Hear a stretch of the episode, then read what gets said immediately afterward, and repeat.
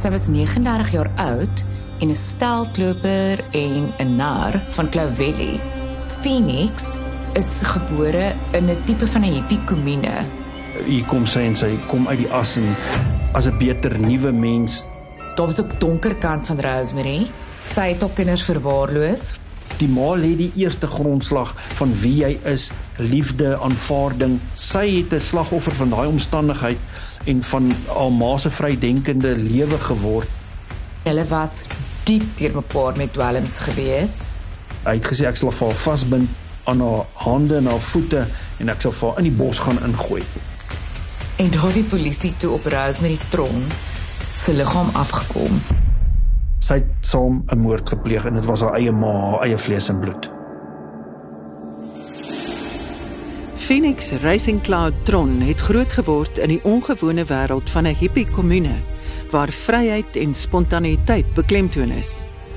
Maar in die skadu van verwaarlosing en geheime het sy 'n donker pad betree wat uiteindelik gelei het tot die moord op haar eie ma. Hier is huisgenoot redakteur Ivan Beyers. Na Rosemary Tron se verdwyning het haar dogter Phoenix in die sosiale media geskryf: "We talk about you every day. We pray for you wherever you are. Don't worry about us. We are happy and strong." En toe kom die skok. Phoenix en haar kerel het haar ma vermoor. Kennisse van Rosemary was vol lof vir haar. Hulle het haar beskryf as 'n boheem, as 'n hippie, 'n flamboyante mens wat lief was vir die mense rondom haar. Maar Phoenix het 'n ander verhaal geskets. Sy het vertel van 'n kinderlewe van verwaarlosing en van haar ma wat volgens haar nie opgewasse was vir die taak om kinders te versorg nie. Hulle het gelewe soos vrygeeste, maar miskien was dit hulle gefolterde binnelewe wat uiteindelik hulle einde voorspel het. Ek is Almarie Wessels, huisgenoot se nuusredakteur. In 2013 het ons die saak gedek van die makabre moord op Rosemary Tron. Sy was 39 jaar oud en 'n steltloper en 'n nar van Clovelly. Clovelly is 'n voorstad van Kaapstad, maar dit is oor die berg oor Kaapse weg naby Vishoek, Noordhoek. Ehm um, en daar is ook 'n unieke gemeenskap waar daar bly. Dit is mense wat in die vermaakbedryf werk, steltlopers, kreatiewe mense. Ek is Christian Besuidnout. Ek's 'n professor in kriminologie. Ek werk aan die Universiteit van Pretoria in die departement maatskaplike werk en kriminologie. Hulle was maar kunstenaars, jy weet, dinge gedoen soos as 'n nar gaan optree, ballonkuns, verfwerk, gesigkuns met verf. In 1994 het Rosemary die lewe aan 'n dogtertjie geskenk. Sy het haar die naam Phoenix Racing Cloud gegee. Phoenix is gebore in 'n tipe van 'n hippie kommune in Renendal naby Nyasna. Haar ma en pa was albei vrygeeste. Hy stel homself op 'n baie plek as Ivan Klassen bekend, ander plek as Ivan Kier. Toe Phoenix se dogtertjie was, hulle het hierdie land getoer met wat mense as donkies en perdekar beskryf en haar broer Steven het my later in 'n onderhoud vertel dat haar ma haar Racing Cloud genoem het want toe sy daar tussen die tepies in Nyasa geboorte gee, het die donderwolke gerol. Dit is seker een van die mees uniekste gevalle wat ek ooit oor navorsing gedoen het en wat in ons geskiedenis opgekom het. As jy kyk na daai arme kind hoe sy groot geword het, hulle het op 'n plaas vir vrydenkendes gewoon in Nysna. Dit is 'n hippie plaas, weet in tente, daar's gemeenskaplike kombuis en almal is saam en dinge word saam gedoen. Die ma het ook die sogenaamde transpartytjies bygewoon. Dis waar harde musiek gespeel word met 'n lekker harde basritme en dan gebruik jy hallusinogene middels en die kinders is nie noodwendig al die aandag gegee wat hulle moet gegee word nie. As 'n mens so bedwelmd is partymal in die musiek luister, is kinders redelik op hulle self aangewese. Sy is op 'n baie vroeë ouderdom aan die tipe dwelms en dagga uiteraard blootgestel wat die teenkultuur verteenwoordig en daarmee saamgaan. Mense kan daar sien dat Phoenix baie swaar begin kry het want daar was nie altyd kos nie. Sy het maar gesukkel. Sy het daar vroeg geleer steel kos uit die gemeenskaplike kombuis uit. Lydensberigte was Rosemary en Ivan uitmekaar toe Phoenix 4 jaar oud was. En ek dink so op die ouderdom 5 jaar toe vat haar ma na haar pa toe in die Kaap en haar ma is Suid-Amerika toe, Chili toe. En sy's weg. So daai kind net eenvoudig daar gelos by haar pa. 'n Jaar of wat later, toe kom sy terug en kry weer vir Phoenix en sy swanger. Hulle is toe terug na die vrydenkende kamp toe.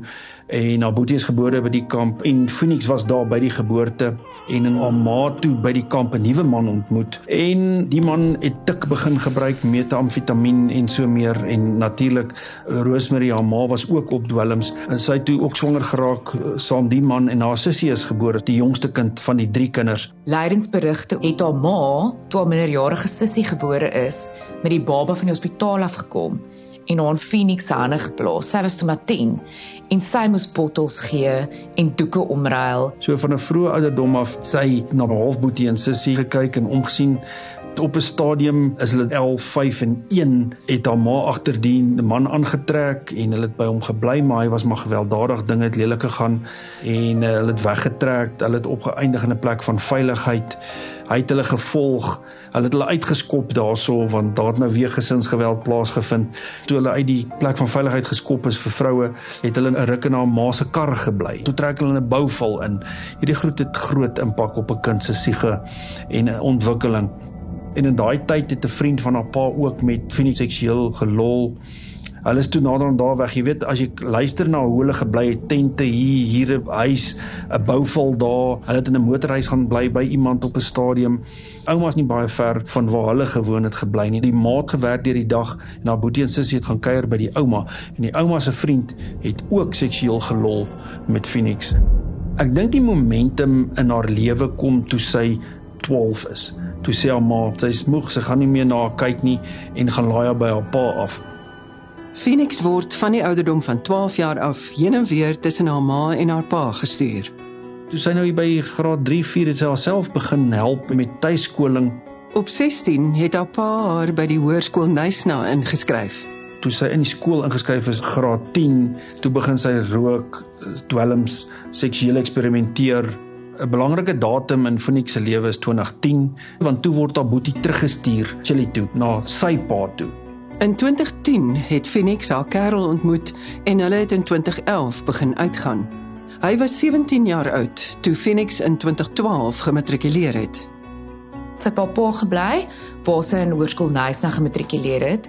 Hy het ook vir die Sunday Times later in 2013 vertel dat sy was 'n baie goeie student gewees. En volgens hom het sy 2 A's en 4 B's gekry, maar hy dink sy en haar tienerkerel het met dwelms betrokke geraak. Belangrik oor hom is dat hy ook maar dwelms gebruik het. Sy ma is dood toe hy 5 is en hy was al vir jeugmisdaad aangekeer. Hy het met die reg gebots. As mens later gaan lees oor die tienerseun, blyk dit dat hy naby Karatra, dis 'n ou bosbou gemeenskap naby Nysna groot geword het en hy kom ook uit 'n gebroke huis uit ek dink hulle twee was aangetrokke tot mekaar in terme van die emosionele ondersteuning. Daar kom 'n wederwysige afhanklikheid van beide af.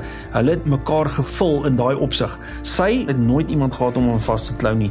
Daar was nooit iemand wat sê ek is lief vir jou, jy's myne. Inteendeel, die ma het op verskillende plekke gesê ek moes nooit kinders gehad het nie. Julle kinders het my lewe kom verwoes. So ek dink sy kon ooit met alles wat met haar gebeur het 'n normale selfbeeld ontwikkel nie, 'n uh, verborgde gevoel het nie en die normale dinge waar kinders 'n rotine het. Dis verskriklik belangrik vir 'n kind om rotine, sekuriteit. Dis jou basiese behoeftes in die lewe. Ma en pa is altyd belangrik.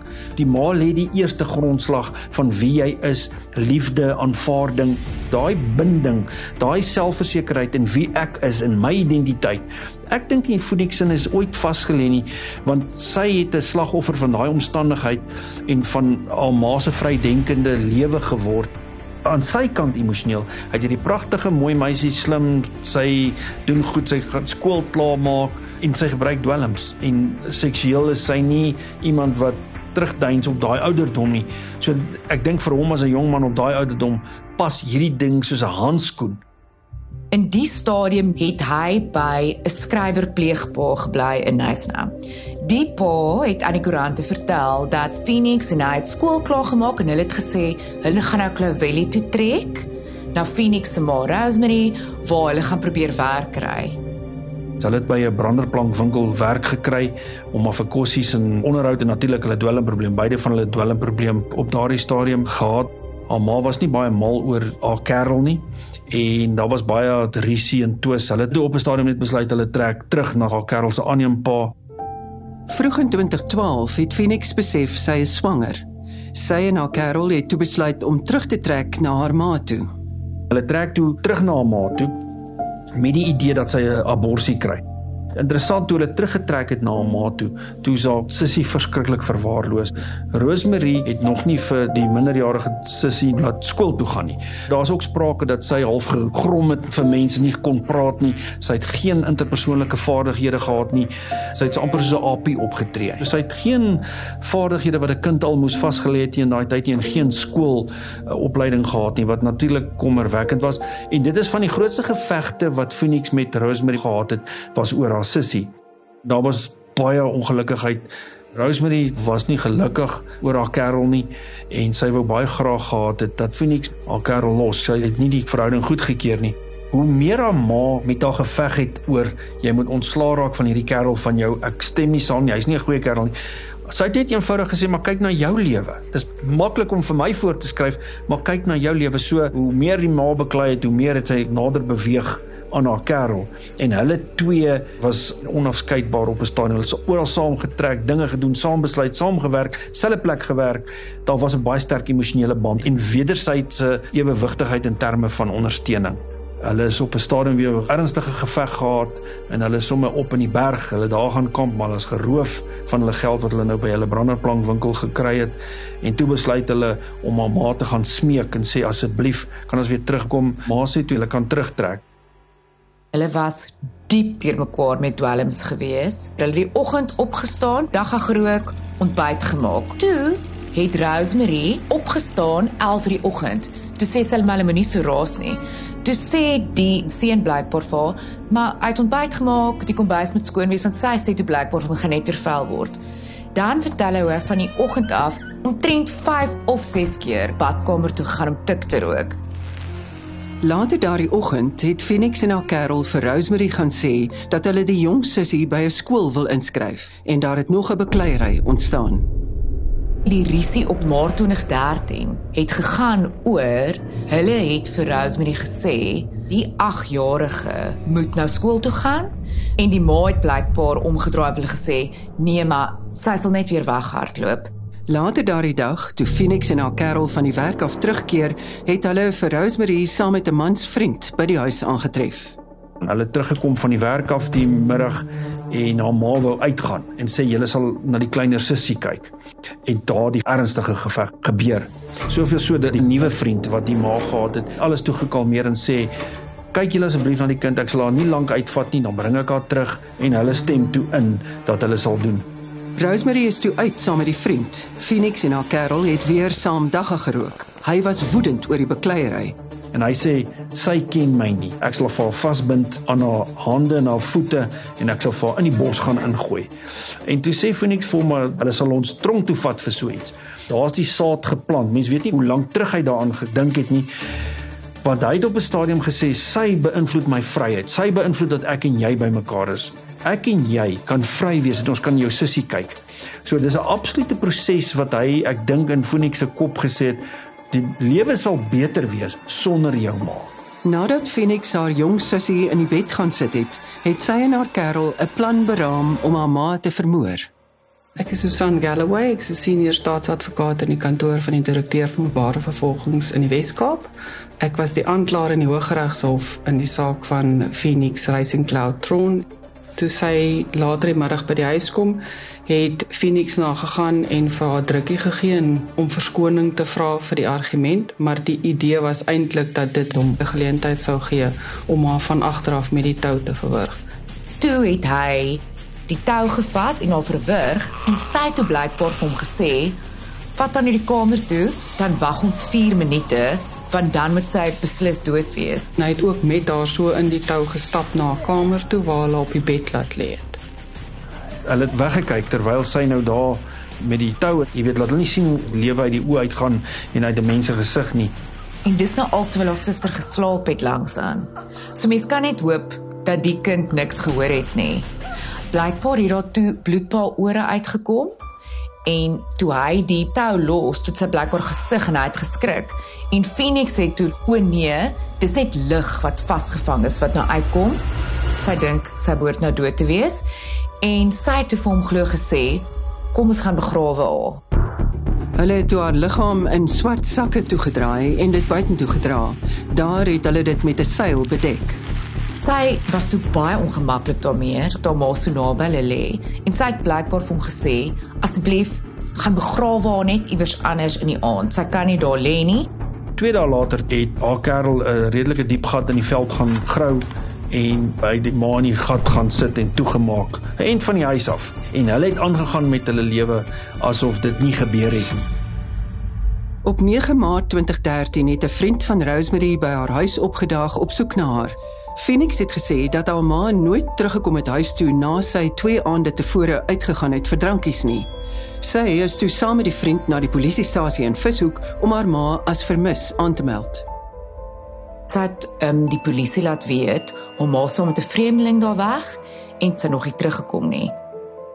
Phoenix en haar Karel en haar minderjarige suster het toe nog gebly in die huurhuis in Clovelly waar die gesin gebly het. Intussen het sy op Facebook en in sosiale media geskryf, hom het altyd gesê as sy die dag 18 word, dan gaan sy dalk Frankryk toe emigreer om 'n mimiekkunstenaar of so te word. Sy wil haar vlerke sprei en haar drome najag. Sy het op haar ma se Facebook gaan skryf dat hulle weet nie waar haar ma is nie, maar dit is maar kenmerkend van haar ma. Sy verdwyn bietjie dan kom sy weer terug. Sy sal seker weer een of ander tyd uh, haar verskyning maak.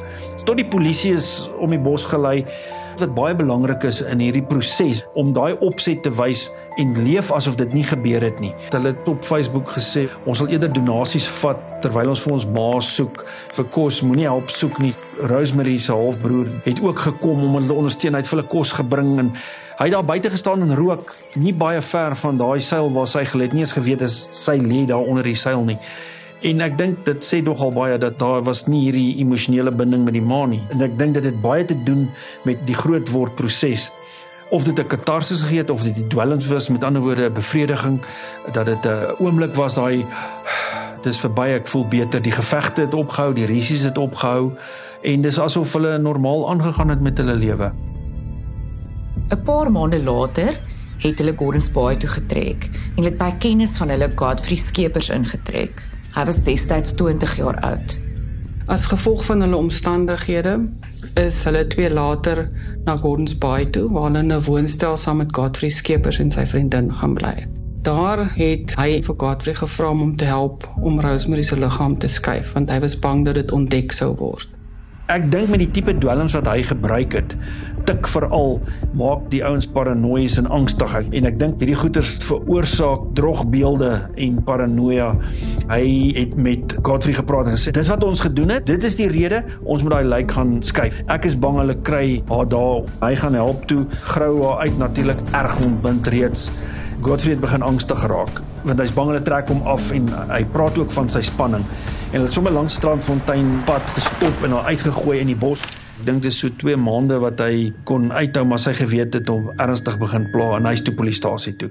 Toe op 'n dag loop Godfrey Skeepers by die polisiekantoor in Vishoek in en hy maak 'n bekentenis. Hy sê Phoenix en haar Karel het hom gevra om hulle te help om haar ma se lijk te verskuif van waar hulle dit in 'n vlak graf naby die huurhuis in Clovelly begrawe het tot in Strandfontein naby Mitchells Plain. En daai graf was so 500 meter van die polisiekantoor af. Ek dink dit moes vir die eerste stasiekommissaris wat gepraat het met hom. Ek dink dit moes amper wees nee man, jy praat nou nonsies, maar dog toe kom ons gaan kyk tog, jy weet, en hulle ry toe en hy sê dis omtrent waar die plek is. En daardie polisie toe op Rosemary Tron se liggaam afgekom. Phoenix Racing Cloud Tron, haar kerel, asook Godfrey Skeepers is vir die moord op Rosemary Tron in hegtenis geneem. Op 1 Oktober 2013 het hulle op aanklagte van moord in die Landdroshof op Simonstad verskyn. Die aanklag teen die beskuldigdes was uit die aard van die saak die hoofaanklag moord van Rosemary Tron en dan die belemmering van die regspleging as gevolg van die feit dat sy as vermis aangemeld is terwyl sy reeds vermoor was. Beide Phoenix en Godfrey Skeepers wat op daai stadium ook aangekla was, het sogenaamde bekentenisse afgelê. en ons het eintlik uitgegaan om te gaan vasstel objektief of dit wat hulle beweer gebeur het inderdaad so gebeur het. So dit is nie getuienis in te win om te bewys hulle die misdrijf gepleeg nie, maar wel dat die misdrijf gepleeg is soos wat hulle beweer dit gepleeg is. Godfrey is op borgtog van R500 vrygelaat. Phoenix en haar kerel het nie vir borgtog aansoek gedoen nie en bly vereers in aanhouding. Die kerel het wel vroeg in 2014 vir borgtog aansoek gedoen. Hy is vrygelaat, maar is onder huisarrest geplaas. Voor die kerel se saak kon begin, is hy vir sielkundige waarneming verwys. Hy het aangevoer dat hy nie presies kon onthou wat gebeur het nie en dus nie ten volle toerekeningsvatbaar was nie. Sy regsverteenwoordiger het ook aangevoer dat hy moontlik weens sy dwelmmisbruik breinskade opgedoen het. Die bewering was dat hy geen rekolleksie het vir 'n groot gedeelte van die dag se gebeure nie. Dit was ook gedoen op grond van die feit dat hulle geweldig baie dwelms gebruik het en dat dit moontlike effek op sy toerekeningsvatbaarheid kon gehad het.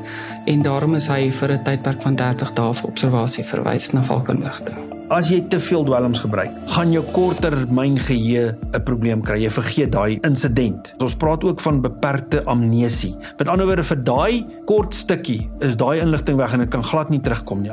Dit beteken nie jy's nou ontoerekeningsvatbaar omdat jy nie weet wat jy gedoen het nie, want jy het self besluit gebruik die dwelm. Wat die uiteinde is van daai effek en wat jy onder die invloed van daai substans dan doen, kan ons ongelukkig nie vir jou vergewe nie. Ons kan jou nie kwytskeld van jou gedrag nie die feit dat jy gaan begrawe het, die feit dat jy by die vriend gaan intrek het, die feit dat jy vir die vriend gaan sê het, die feit dat jy die liggaam gaan skuif het. Wil jy nou sê jy het nie onthou nie? Daar moes jy mos nou na die polisie toe gaan en sê o, gats, ek was onder die dwelms. Ek besef nou net wat ek gedoen het. Na die 30 dae observasieperiode is daar bevind dat hy wel toerekeningsvatbaar is. Dit beteken dat ten tye van die pleging van die misdrijf het hy geweet wat hy doen en ten tye van die hofverrigtinge was hy daartoe in staat om die verrigtinge te volg. Beide Phoenix en haar kerel het skuldig gepleit, maar hulle sake is van mekaar geskei. Godfrey Skippers is nie aangekla nie. Die eerste keer wat ek Phoenix Tron inderdaad gesien het, was met haar eerste verskyning in die Hooggeregshof by 'n voorverhoor verskyning. Sy het derentyd gehuil, soos 'n hoorbaar gehuil.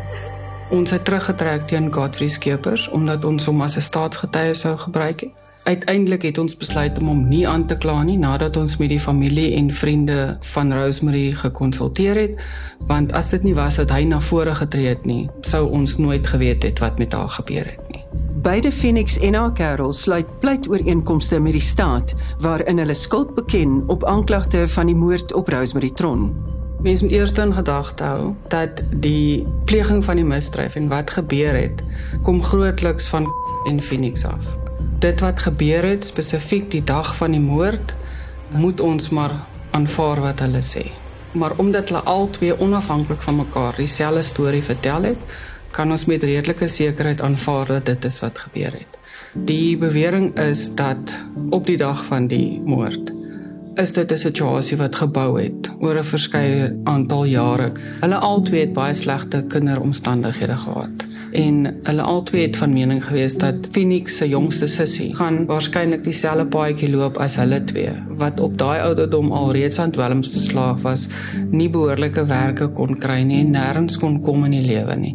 En hulle het besluit dat die sussie 'n beter lewe verdien. As hulle drie saam is, hulle vaar 'n beter lewe kan gee. Dis waar dit tussen die twee van hulle bietjie verskil. As die skip sink, dan spring die man, jy weet selfs die kaptein, want hy het haar blameer en sy het hom geblameer. Hy het gesê, sy het gesê, ons moet my ma doodmaak. In haar verklaring sê sy hy het dit voorgestel. Die idee was aanvanklik dat Kla met 'n graaf sou slaan wanneer sy by die huis kom. Volgens Phoenix se pleitverduideliking het haar kerel gesê dat sy Rosemary se aandag moet aftrek, dan sal hy haar van agter af met 'n graaf slaan. Maar Phoenix het gesê dit is te wreed. Volgens haar kerel was dit weer haar idee. Hy sê sy sê. Hulle twee se verklaringe is amper dieselfde maar teenoor mekaar. Die verklaringe klink redelik dieselfde. Dwelms gebruik, dis beplan eers met 'n graaf slaan. Sy sê hy sê dit, hy sê sy dit voorgestel. Hulle het toe besluit om haar eerder te verwrig. Hy sê toe ek 'n tou vat. Doen dieselfde, jy gee haar 'n drukkie en sê ek is jammer en dan sal ek haar van agter af met die tou om die nek tot sy haar nek breek of verwrig. Dit was hulle albei se weergawe dat dit was wat voorgestel het dat hulle 'n stuk tou gebruik en haar verwrig. Wat interessant was, hy sê toe dit gebeur, toe hou sy haar maar vas, dat sy nie kan loskom nie. In terme van die reg maak dit nie saak wie die idee gehad het eers nie. Die feit bly staan hulle het albei deelgeneem in die uitvoering van die moord, so hulle is albei ewe skuldig. Miskien 'n bietjie meer moreel blamwaardig die een wie se idee dit was, maar in terme van vonnis of skuldbevinding maak dit nie 'n verskil. Phoenix is gevonnis tot 20 jaar gevangenisstraf waarvan 5 jaar opgeskort is en hy is gevonnis tot 18 jaar gevangenisstraf waarvan 5 jaar opgeskort is. Phoenix het 'n tweede aanklag teen haar gehad, die aanklag van die belemmering van regspleging, want dit was sy wat saam met 'n vriendin van haar ma gegaan het na die polisie toe en die vermiste persoon aangemeld het terwyl dit nie waar is nie. Hy was nie aangekla van daai aanklag nie, want hy was nie deel van die pleging van daai misdryf nie. En daarom is hy net aan die moord skuldig bevind terwyl Phoenix aan beide die moord en die belemmering van die regspleging skuldig bevind is sy is toe omtrent onmiddellik tronk toe. So mense het tog nooit eintlik van haar gehoor nie. Sy's so jonk gewees destyds 19. Dit is nou al 9 jaar later.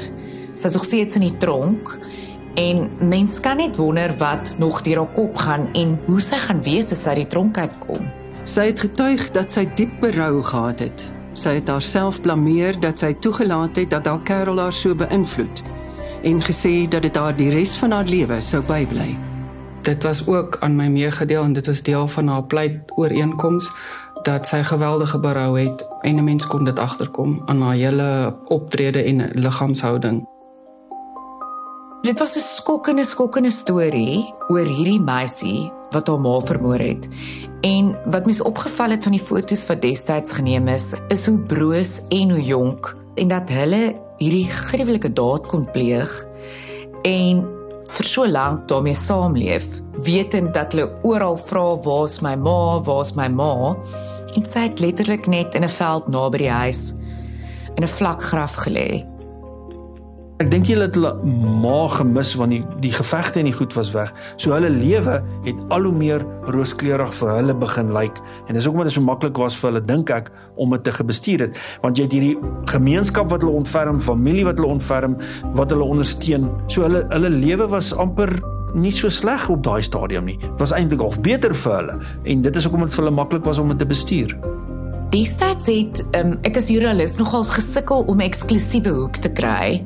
Wat toe gebeur het is die steltloper trans gemeenskap in Kaapstad het toegemaak en vir Rosemary probeer beskerm. Sy was baie geliefd. Ek hoor toe by 'n kollega van my, haar broer bly naby haar en hulle stap gereeld op die strand met honde saam. En ek het 'n boodskap vir haar gestuur. Ek het gesê asseblief sê vir Steven, ons sal so graag met hom wil praat veral ook oor hierdie kinders wat nou in hierdie verskriklike situasie is. Mense het altyd, jy weet as jy foto's van haar gesien het, dan was net liefde en lig. Hulle het ook vertel haar bynaam was Rosemary Lovemore Tron. So mense kon amper nie hierdie twee die skadu kant versoen nie. En ek dink hy het met my gepraat ook om vir sy suster op te kom. Hy het my gesê hy en Rosemary was altyd baie na mekaar, maar hulle was nie net 'n broer en suster, hulle was vriende. Hulle het vir mekaar gehou. Hulle het dieselfde belangstellings gehad en hulle was dwars deur hulle lewe baie geheg aan mekaar. Hy het baie van die mense wat gesê het maar daar was op donker kant van Rosemary. Ja, sy was hierdie nar en steltloper wat altyd geglimlag het, maar sy het ook kinders verwaarloos, was van die aantuigings. Hy het gesê ja, Sy het soms haar kinders afgelaai, maar ek dink die kinders het baie liefde gekry en sy was 'n baie goeie ma. Dit wat Phoenix later verduidelik het, het dit uitgekom sy het gevoel haar ma verwaarloos haar. Sy het verantwoordelik gevoel teenoor haar minderjarige sussie en sy het ook gesê 'n week voor die moord het sy self 'n abortus ondergaan. So daar was waarskynlik baie sielkundige goed wat in daai stadium met haar gebeur het, maar mense kan net spekuleer. Mense weet nie wat deur iemand se kop gaan nie. Sy het aan ernstige emosionele probleme gely op daai stadium depressie. Sy was in 'n baie slegte plek oor die abortus en ek dink sy was vatbaar. Dis 'n groot besluit om te neem. Dit is my baie interessant dat sy nie die kind wou hou nie want sy was oud genoeg. Sy was klaar met skool, maar sy wou nie haar kerel se kind hê nie. As mens tussen die lyne kyk met haar, sy het altyd na sussie probeer kyk. Sy het haarself tuis opvoeding gegee. Ek wonder of sy nie gedroom het ek wil verder, ek wil uit hierdie omstandighede uitlig, soos haar naam Phoenix, soos die Phoenix wat reis uit die as uit nie. Ek wonder of dit nie in haar kop was nie en dit is hoekom sy daai abortus gevat het nie.